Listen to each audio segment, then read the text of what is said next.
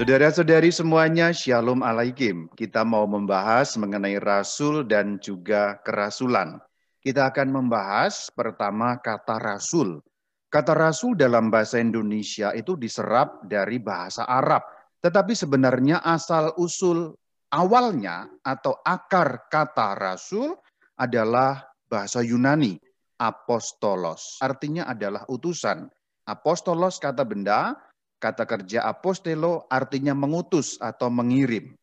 Jadi sebenarnya makna kata apostolos atau yang diterjemahkan dengan kata rasul itu orang yang diutus, orang yang dipercaya untuk melaksanakan suatu misi. Misi yang dilaksanakan itu oleh seorang rasul, utusan, apostolos, itu orangnya lebih dari sekedar orang yang membawa pesan. Jadi bukan hanya kurir, tetapi delegasi.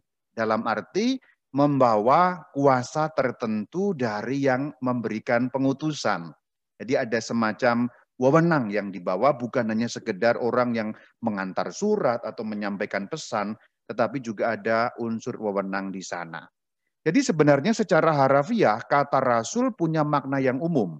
Setiap orang yang diutus melaksanakan misi tertentu adalah rasul. Ini kita bicara dalam arti secara umum ya, harafiah kata rasul dari kata apostolos artinya utusan, berarti orang yang diutus melaksanakan misi tertentu. Berarti setiap orang bisa menjadi rasul dalam arti harafiah. Siapa pun yang diutus rasul sebagai arti kata itu ya maksud saya.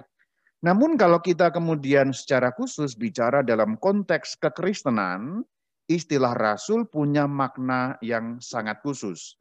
Dalam kekristenan, Istilah rasul digunakan untuk menyebut sekelompok orang yang dipilih langsung oleh Tuhan Yesus dan diberi misi khusus oleh beliau. Yaitu mereka yang jumlahnya 12, sering disebut sebagai 12 rasul, sering juga disebut 12 murid atau kedua belasan. Kita akan mengutip Injil yang pertama yaitu Injil Matius pada pasal yang ke-10 ayat pertama dan ayat kedua. Yesus memanggil kedua belas muridnya dan memberi kuasa kepada mereka dan seterusnya. Langsung ayat 2, inilah nama kedua belas rasul itu. Silakan perhatikan yang bagian dicetak dengan warna kuning. Ayat pertama ada istilah kedua belas murid. Ayat kedua ada istilah kedua belas rasul. Jadi ini sebenarnya sesuatu yang sinonim di dalam pemakaian menurut Injil Matius. Kita juga lihat teks aslinya. Nah, sekali-kali biar juga lihat teks asli Alkitab lah.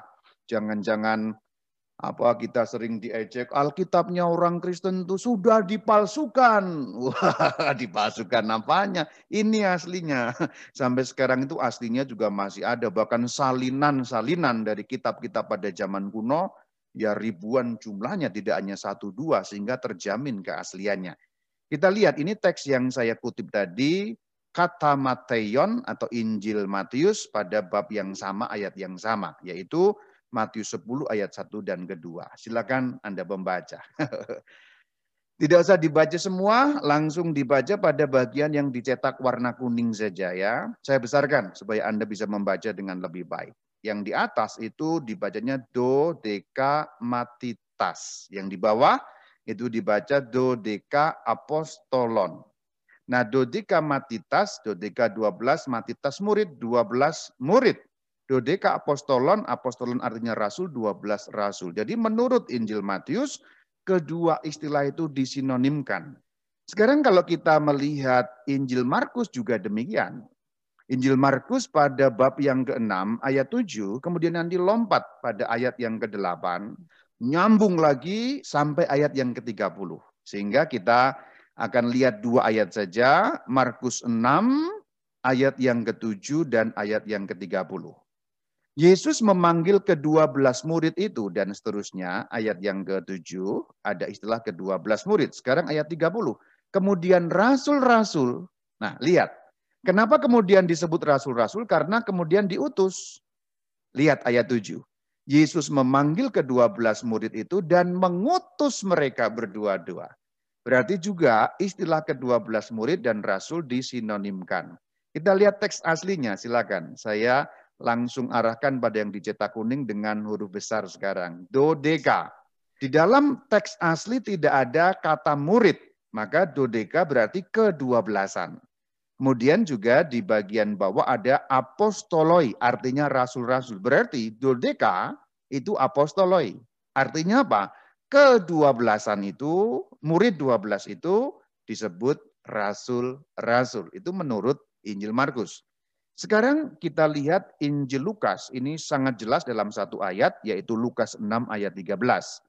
Yesus memanggil murid-muridnya kepadanya dan seterusnya memilih dari antara mereka 12 orang yang disebutnya rasul. Nah, ini ayat yang sangat jelas bahwa menurut Lukas 6 ayat 13 Yesus memilih dari antara murid-muridnya.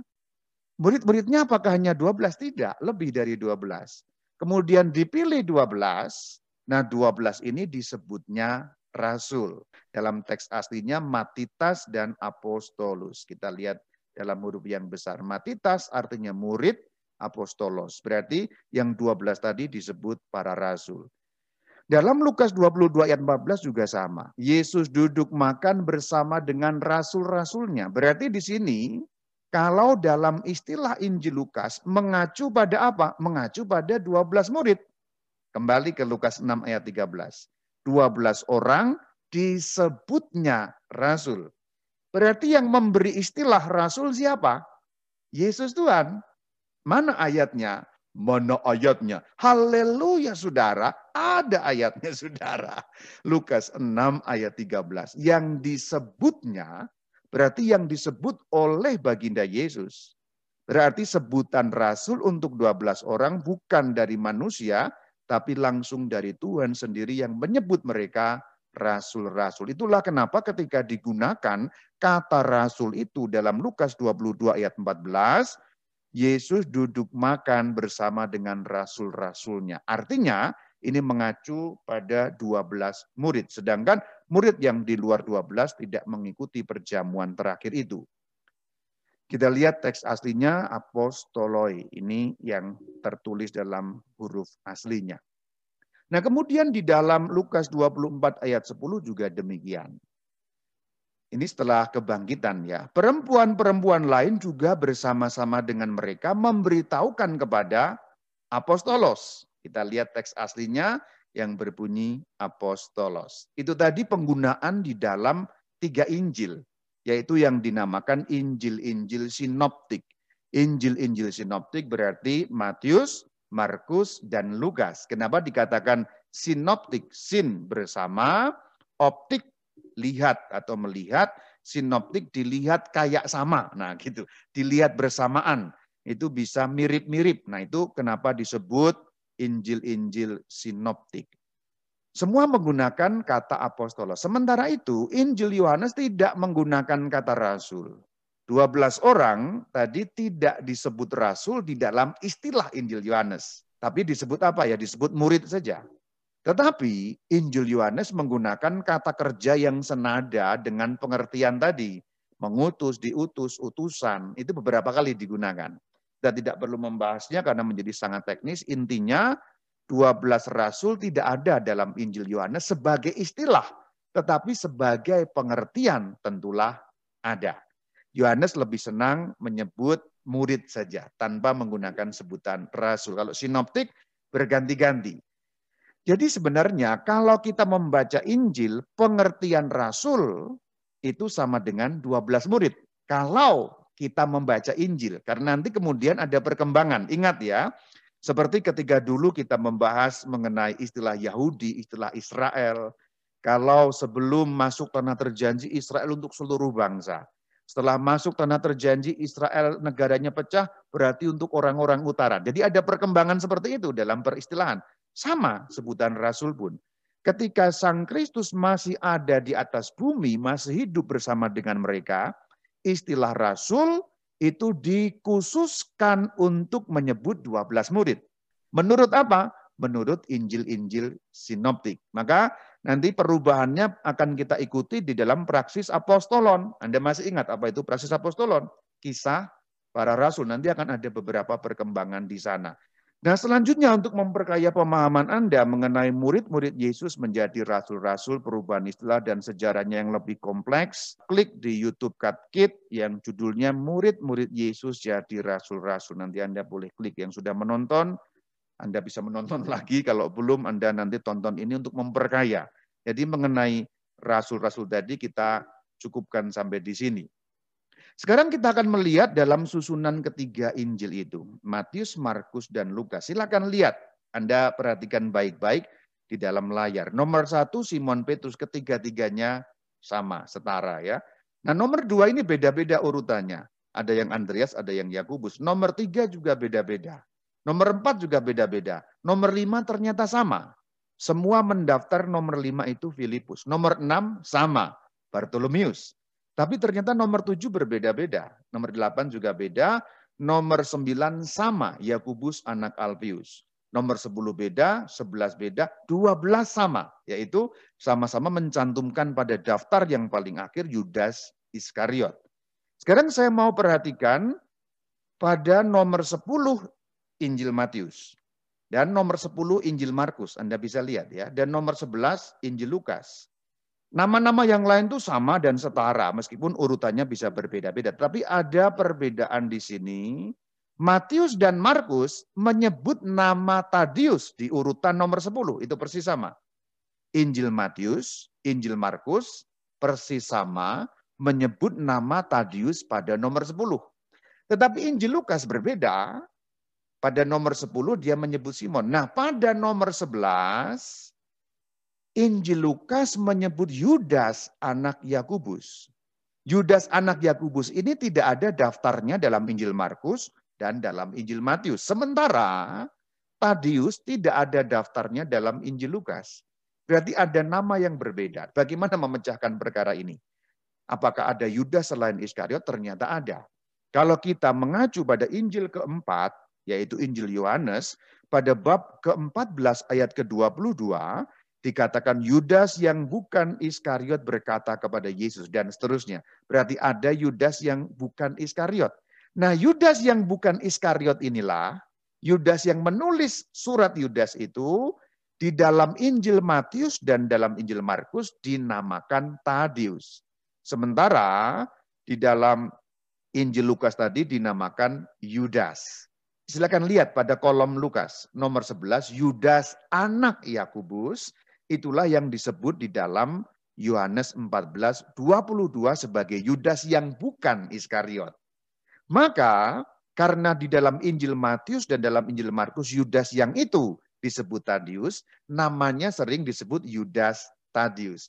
Maka namanya digabungkan nomor 10, 10 dan 11 tadi itu Yudas anak Yakubus alias Yudas Tadius. Itulah Kenapa ada perbedaan nama yang sebenarnya bukan perbedaan, hanya perbedaan cara menyebut saja.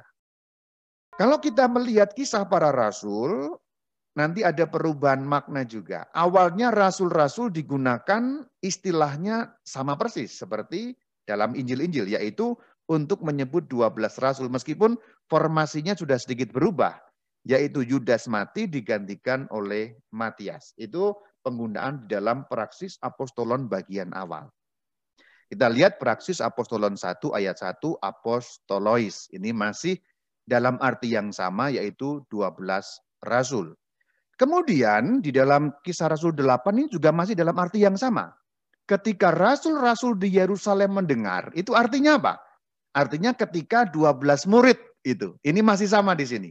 Berarti masih dalam arti formasi yang sama. Apostoloi ini istilah yang muncul dalam kisah Rasul 8. Begitu juga di dalam beberapa nas yang lain. Tetapi begitu nanti mulai pertengahan kisah para rasul, ketika Petrus mulai tanda petik menghilang, nanti nanti Anda bisa tonton di dalam cerita Petrus bagaimana dia menghilang. Kan kemudian yang muncul di panggung kemudian Paulus ya. Praksis apostolon secara garis besar itu dibagi dua bagian, yaitu awal itu bagian Petrus, selanjutnya tengah sampai akhir bagian Paulus. Secara garis besar, tentu ada tokoh-tokoh lain juga, tetapi yang utama tokoh-tokohnya seperti itu. Meskipun dijuduli praksis apostolon, kisah para rasul, tetapi sebenarnya hanya dua rasul utama inilah yang diceritakan secara fokus. Jadi mulai dari awal sampai pertengahan itu Petrus, kemudian menghilang, muncul Paulus sampai akhir. Nah ketika Paulus sudah mulai muncul, ada pergeseran istilah, bahwa istilah rasul tidak lagi eksklusif untuk menyebut 12 murid saja. Kemudian nanti beberapa orang yang lain juga disebut rasul. Contohnya dalam kisah Rasul 15 pada ayat pertama dan kedua ini. Langsung pada ayat yang kedua. Paulus dan Barnabas serta beberapa orang lain dari jemaat itu pergi kepada rasul-rasul. Nah mulai di sini nanti Paulus dan Barnabas pun juga disebut sebagai rasul juga. Kita akan lihat di dalam cerita mengenai rasul-rasul lain. Apa artinya rasul-rasul lain? rasul-rasul yang di luar 12 rasul. Berarti sejak pada pertengahan praksis apostolon, istilah rasul tidak lagi eksklusif untuk menyebut 12 orang itu tadi.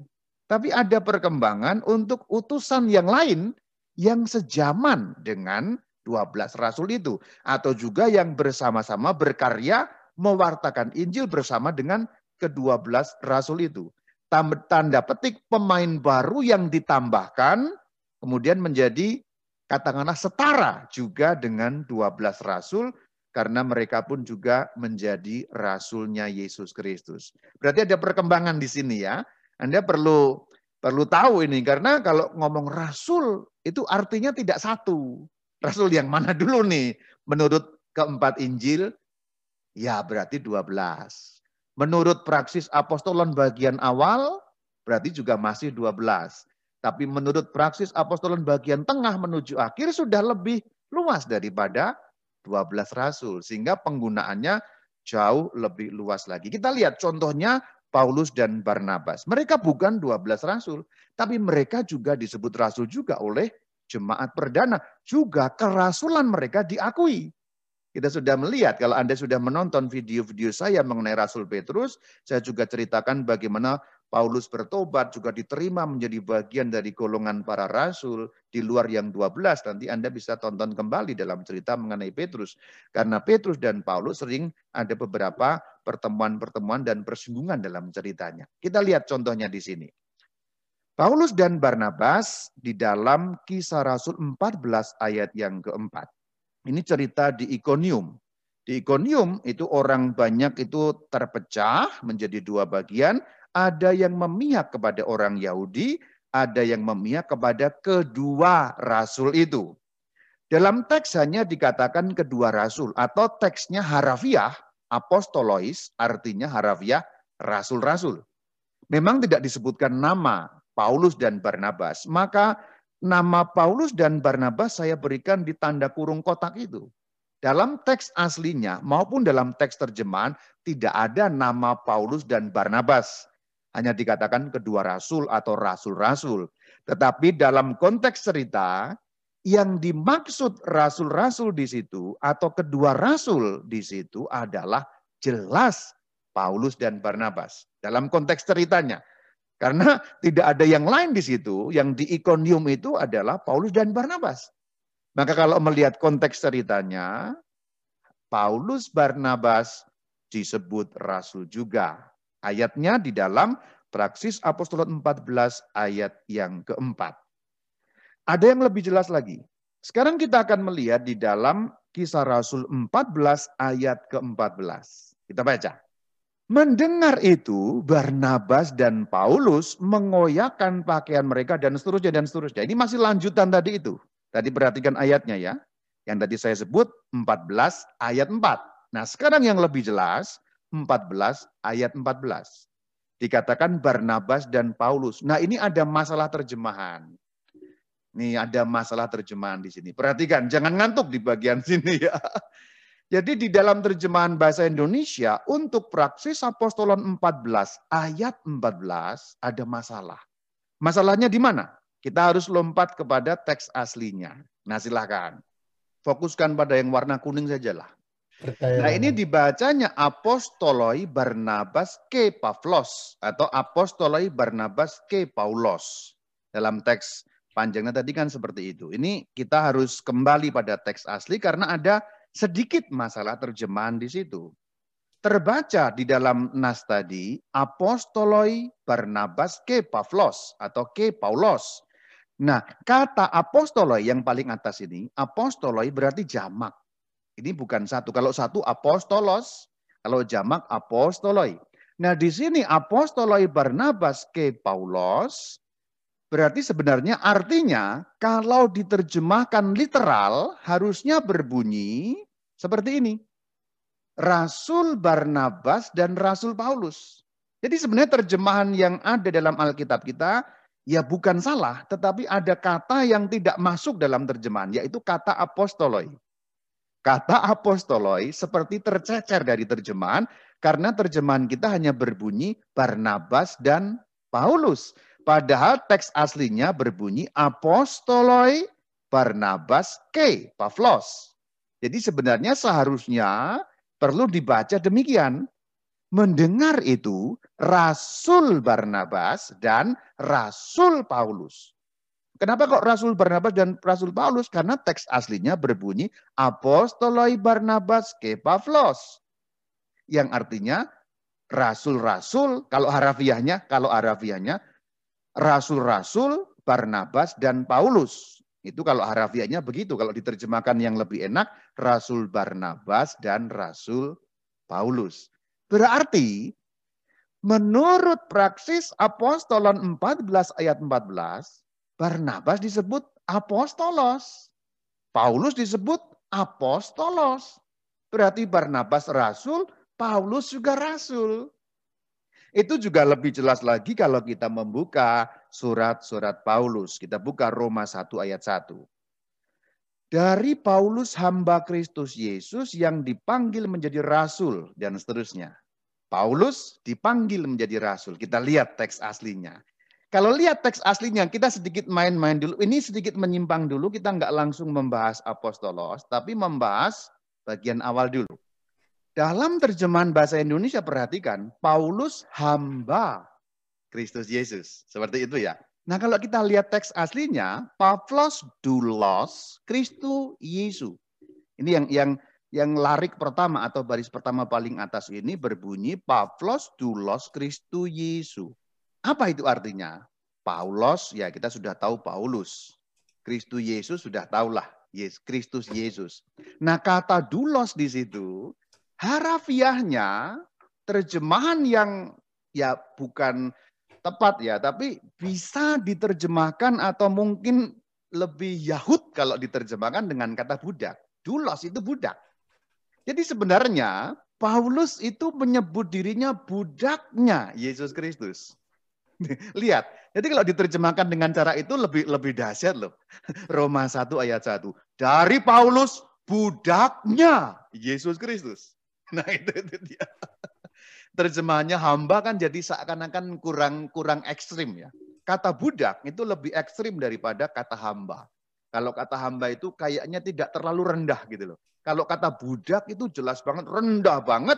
Apa pun yang diperintahkan akan dilaksanakan karena budak itu tidak bisa menolak perintah. Pokoknya hidup matinya budak tergantung majikannya. Kalau majikannya adalah Kristus Yesus, berarti Paulus budaknya Kristus Yesus, apa pun yang diperintahkan, siap komandan, siap pelaksanakan, hidupku ku pertaruhkan. Jadi ini yang tadi saya katakan ini bagus sekali karena ayat satu pun Paulus sudah memberi kejutan luar biasa. Dahsyat sekali. Kapan-kapan kita bicara mengenai budak ini ya. Itulah kenapa sedikit lompat ini menyimpang dulu ya, tapi untuk menambah pengetahuan. Kamu tidak lagi disebut itu dalam Injil Yohanes. Kamu tidak lagi disebut titik-titik melainkan sahabat. Disebut apa? Hamba ya. Kamu hmm. tidak lagi disebut hamba. Nah, coba kalau terjemahannya diubah sedikit, kamu tidak lagi disebut budak tetapi sahabat. Kontrasnya kelihatan nggak? Iya, betul. Ya. Karena di dalam bahasa Indonesia hamba itu masih agak tinggi gitu ya. Kesannya. Betul. Budak itu benar-benar rendah sekali. Sebenarnya di dalam Injil itu sama dulos yang dipakai. Jadi kamu tidak lagi disebut budak, melainkan sahabat. Coba kalau itu bunyi itu Anda gemakan. Aduh, Tuhan Yesus terima kasih, aku bukan lagi budak, tetapi sahabatmu. Nah inilah pentingnya belajar Alkitab saudara. Haleluya saudara. Jadi makin Alkitab itu kita pelajari dan makin kita sedikit mengerti, nggak usah banyak-banyak lah. Saya juga nggak banyak ngerti, cuma dikit-dikit aja. Yang kayak gini-gini itu memberi nuansa arti yang makin, aduh kok gitu ya. Tuhan bisa mengatakan kepada kita, hei Kevin, kamu bukan lagi budak, melainkan sahabat.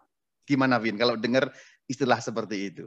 Lebih gini nggak lebih gitu Lebih berasa ya Rama. Lebih berasa kan? Coba iya. bandingkan. Kamu bukan lagi hamba, kayaknya biasa aja kan? Iya. Nah, pada teks aslinya memang berbunyi dulos yang artinya budak. Nah, kontras budak dan sahabat itu menjadi kelihatan kalau kita mempelajari seperti ini. Karena kalau hamba itu kan ham, kayaknya hambar ya istilahnya. Apalagi zaman sekarang banyak aliran menyebut hamba Tuhan, kayaknya jabatan tinggi itu hamba Tuhan hmm. gitu. Budak hamba Tuhan itu, ya, ya kan kayaknya itu wah gimana gitu. Budak itu. Nah ini nih. Ini menyimpang tapi saya mau menggarisbawahi bagian yang dulos Kristus Yesus tadi itu. Menarik ya? Menarik nggak, Fit? Menarik, Rama. Nah, menarik kan? Itu, itu, itu. Sekarang kembali ke apostolos ya. Nah, di dalam Roma ini, kita ulang dari bagian awal, pelan-pelan aja lah ya, waktunya habis juga nggak apa-apa lah ya. Karena ini sudah terlanjur saya tampilkan teks-teks aslinya nih. Ini tujuannya apa, Vin? Kamu tahu nggak? Biar ngelihat ini, Rama, ngelihat yang benar. Karena kan kalau terjemahan tidak sempurna kan. Ya, itu sebenarnya tujuan yang kedua. Yang pertama, oh, supaya apa, saya Sombong. kelihatan keren gitu loh, Vin.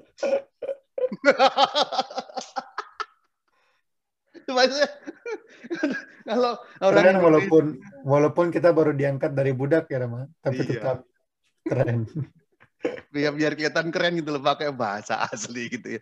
Di Indonesia ini kan kadang-kadang begitu ya pakai bahasa yang artinya. Nah kalau sudah seperti itu kan kelihatan keren. Jadi saya juga nggak mau kalah dong. Kalau di luar-luar sana kan ngomong bahasa itu yang artinya. Nah saya juga bisa.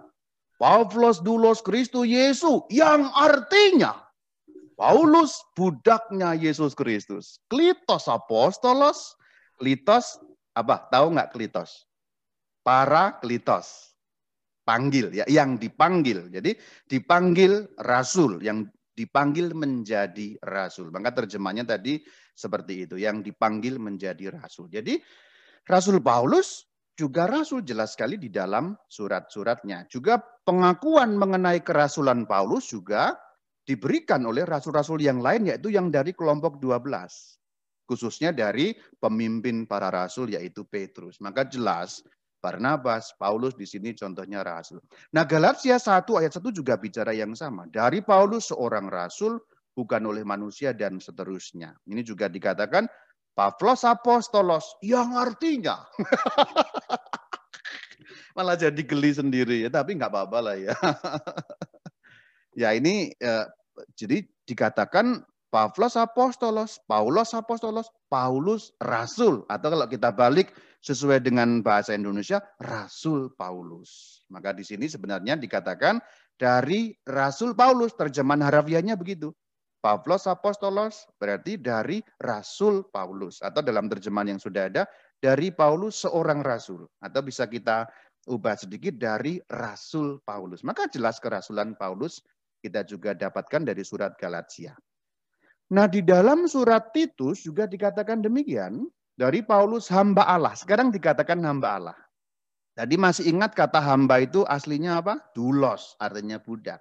Selain budak Yesus, budak Allah juga. Rasulnya Yesus Kristus. Maka kalau kita buka di dalam teks aslinya berbunyi Pavlos Dulos Theo. Dulos Theo berarti budaknya Allah apostolos di Yesus Kristus yang artinya haleluya saudara. Eh, apostolos di Yesus Kristus berarti rasulnya dari Yesus Kristus, rasulnya Yesus Kristus. Nah, itu jelas sekali di dalam Titus 1 pada ayat yang pertama apostolos juga.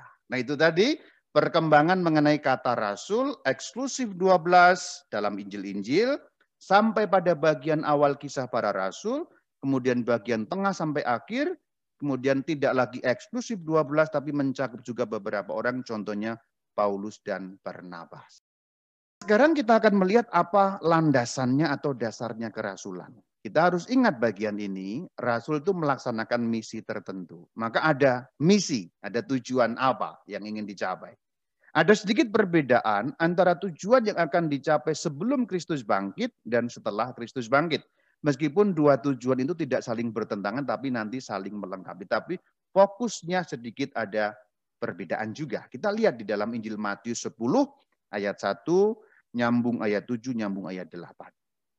Yesus memanggil kedua belas muridnya dan memberi kuasa kepada mereka untuk, nah ini berarti misinya, untuk. Berarti kan tadi itu melaksanakan suatu misi. Maka kata untuk menunjukkan misi. Apa? Mengusir roh-roh jahat. Dan untuk, nah ini misi yang lain. Melenyapkan segala penyakit dan segala kelemahan. Berarti di sini para rasul pertama-tama diutus untuk dua tujuan. Mengusir. Roh jahat berarti penyakit yang sifatnya rohani. Lalu dikatakan melenyapkan penyakit dan kelemahan berarti sifatnya jasmani. Berarti penyembuhan jiwa raga. Penyembuhan rohani jasmani. Itu tujuan atau misi yang diberikan kepada kedua belas rasul. Pada ayat yang ketujuh, nyambung ke delapan, itu dikatakan beritakanlah kerajaan surga. Lalu rinciannya, apa itu berita kerajaan surga? Orang sakit sembuh, orang mati bangkit, orang kusta tahir, setan terusir dan seterusnya dan seterusnya. Jadi ini misi pada saat Sang Kristus masih ada di atas muka bumi. Ini juga mirip karena sinoptik ya, mirip dengan Markus. Markus 3 ayat 14 dan 15. Kita lihat. Yesus menetapkan 12 orang untuk menyertai dia dan untuk diutusnya memberitakan Injil dan diberinya kuasa untuk mengusir setan. Menurut Markus sedikit berbeda. Panggilan para rasul pertama-tama menyertai dia. Ikut Yesus, itu yang pertama. Kalau sudah ikut Yesus, bisa memberitakan Injil dan mengusir setan. Nah itu menurut Injil Markus. Kemudian menurut Injil Lukas dikatakan untuk menguasai setan-setan dan menyembuhkan penyakit-penyakit. Ini mirip dengan keterangan Lukas. Setan yang dikuasai berarti dikalahkan, berarti sembuh rohani. Menyembuhkan penyakit-penyakit itu maksudnya penyakit jasmani ya, sembuh jasmani. Kemudian memberitakan kerajaan Allah. Dalam istilah Injil Matius kerajaan surga. Kalau Injil Matius menyebut kerajaan surga, Injil yang lain kerajaan Allah itu artinya sama. Jadi itulah sebelum Kristus bangkit, kalau mau kita rinci berarti apa? Sembuh jasmani dan rohani dalam rangka pemberitaan kerajaan surga yang telah datang. Maka dikatakan kerajaan Allah sudah dekat. Cirinya apa? Setan terusir, penyakit hilang, menjadi sembuh orang-orang di situ. Dan ada garis bawah menyertai Yesus. Ke mana-mana ikut Yesus. Itu yang sangat khas dimiliki oleh Injil Markus. Kita sudah lihat dalam Markus 3 ayat 14 tadi. Nah sekarang sesudah Kristus bangkit, ada sedikit pergeseran tapi bukan perbedaan yang total, hanya sedikit pergeseran. Karena begitu Yesus bangkit naik ke surga, ada utusan yang sedikit berbeda dalam arti lebih luas lagi. Kalau sebelumnya kan diutus hanya untuk umat Israel. Nah setelah Yesus naik ke surga menjadi jelas bahwa untuk semua bangsa, Matius 28, 19 sampai 20. Jadikanlah semua bangsa muridku. Berarti untuk semua bangsa. Berarti ada ada perkembangan tadinya hanya untuk umat Israel, kemudian untuk semua bangsa. Baptislah. Berarti keselamatan dalam nama Allah Tritunggal. Ajarlah mereka. Ini setelah Yesus bangkit.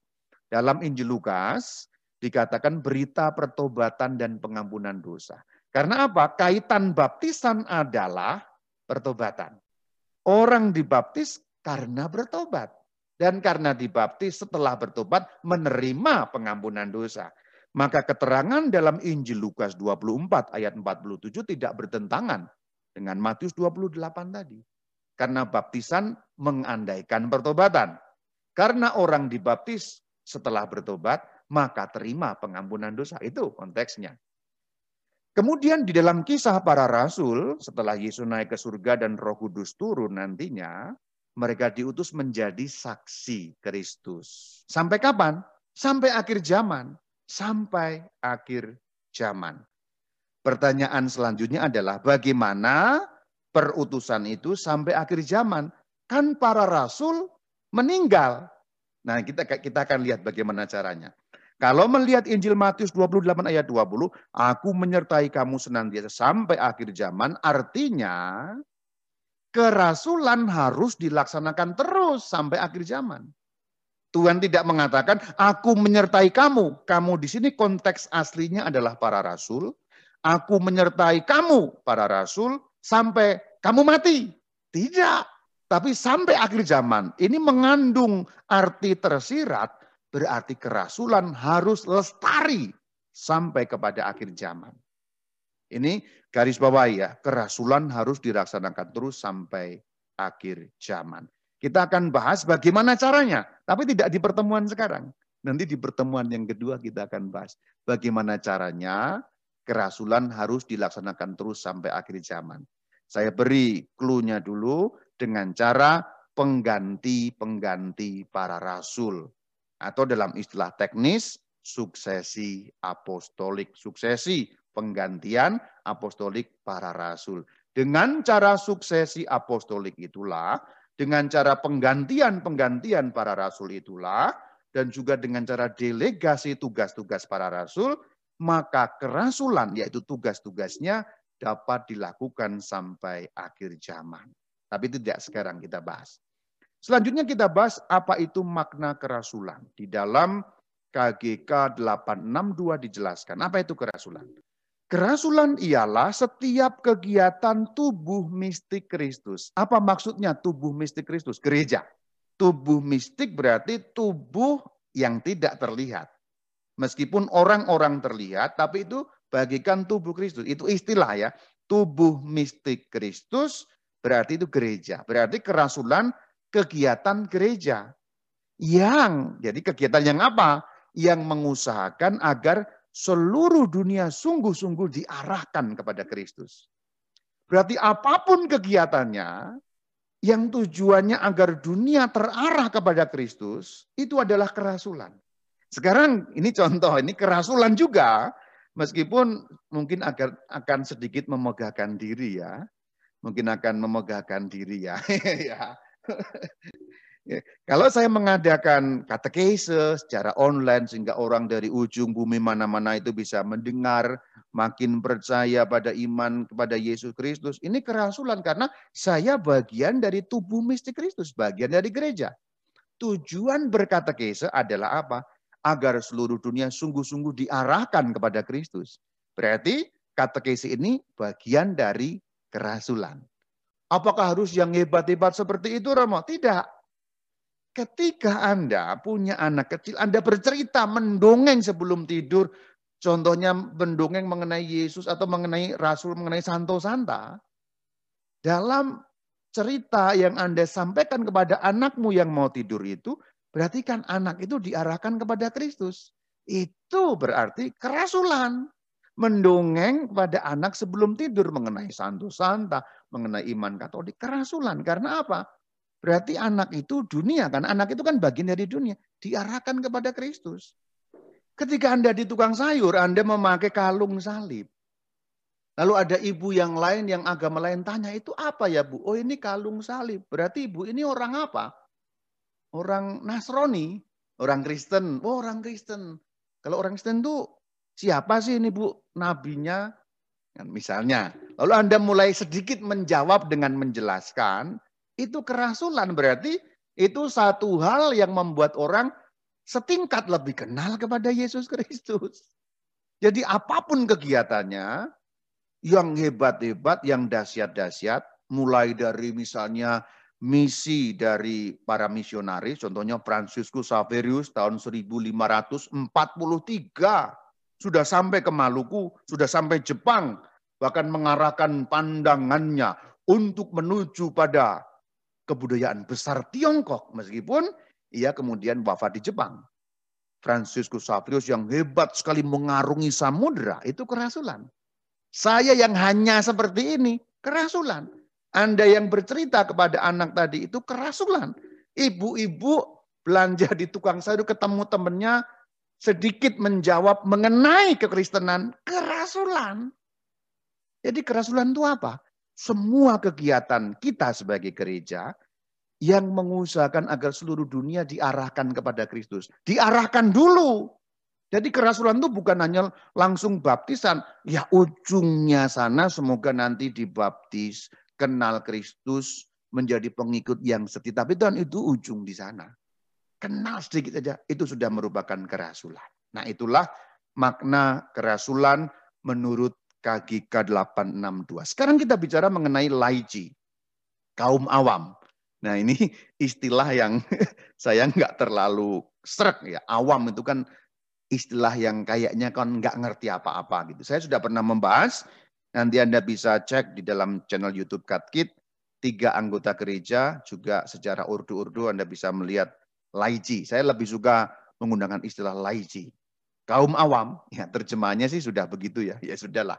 KGK 900. Laici seperti juga semua umat beriman telah menerima dari Allah tugas kerasulan. Berarti Anda yang sekarang mendengarkan, yang termasuk golongan laici, ya, artinya apa? Artinya kan Anda ini bukan presbiter, bukan diakon, bukan episkop, episkop itu uskup, bukan pendek kata bukan klerus, bukan jabatan gerejawi nggak memegang itu dalam arti tahbisan, tapi ternyata gereja Katolik mengajarkan dalam KGK 900, kaum awam laici itu juga punya tugas kerasulan. Seperti apa tugas kerasulan? Supaya manusia mengenal dan menerima berita keselamatan ilahi, mengenal Yesus. Awalnya kenal dulu deh. Soal terima itu ya biar kerja roh kudus tapi mengenal dengan cara apa pun, dalam kesempatan apa pun. Bahkan hanya dari sekedar Anda membuat tanda salib sebelum makan di tempat umum, itu sudah merupakan cara mengenalkan. Ini panggilan untuk laici dalam tugas kerasulan. Maka Anda semua yang mendengarkan ini juga mendapat tugas kerasulan. Nanti akan saya bahas selanjutnya dalam session yang selanjutnya di pertemuan lain tapi sampai di sini dulu mengenai rasul dan kerasulan. Semoga sedikit menambah info, tapi juga beberapa hal yang menarik tadi semoga dapat Anda mengerti juga. Maka saya mengakhiri dengan menyampaikan Shalom Alaikum.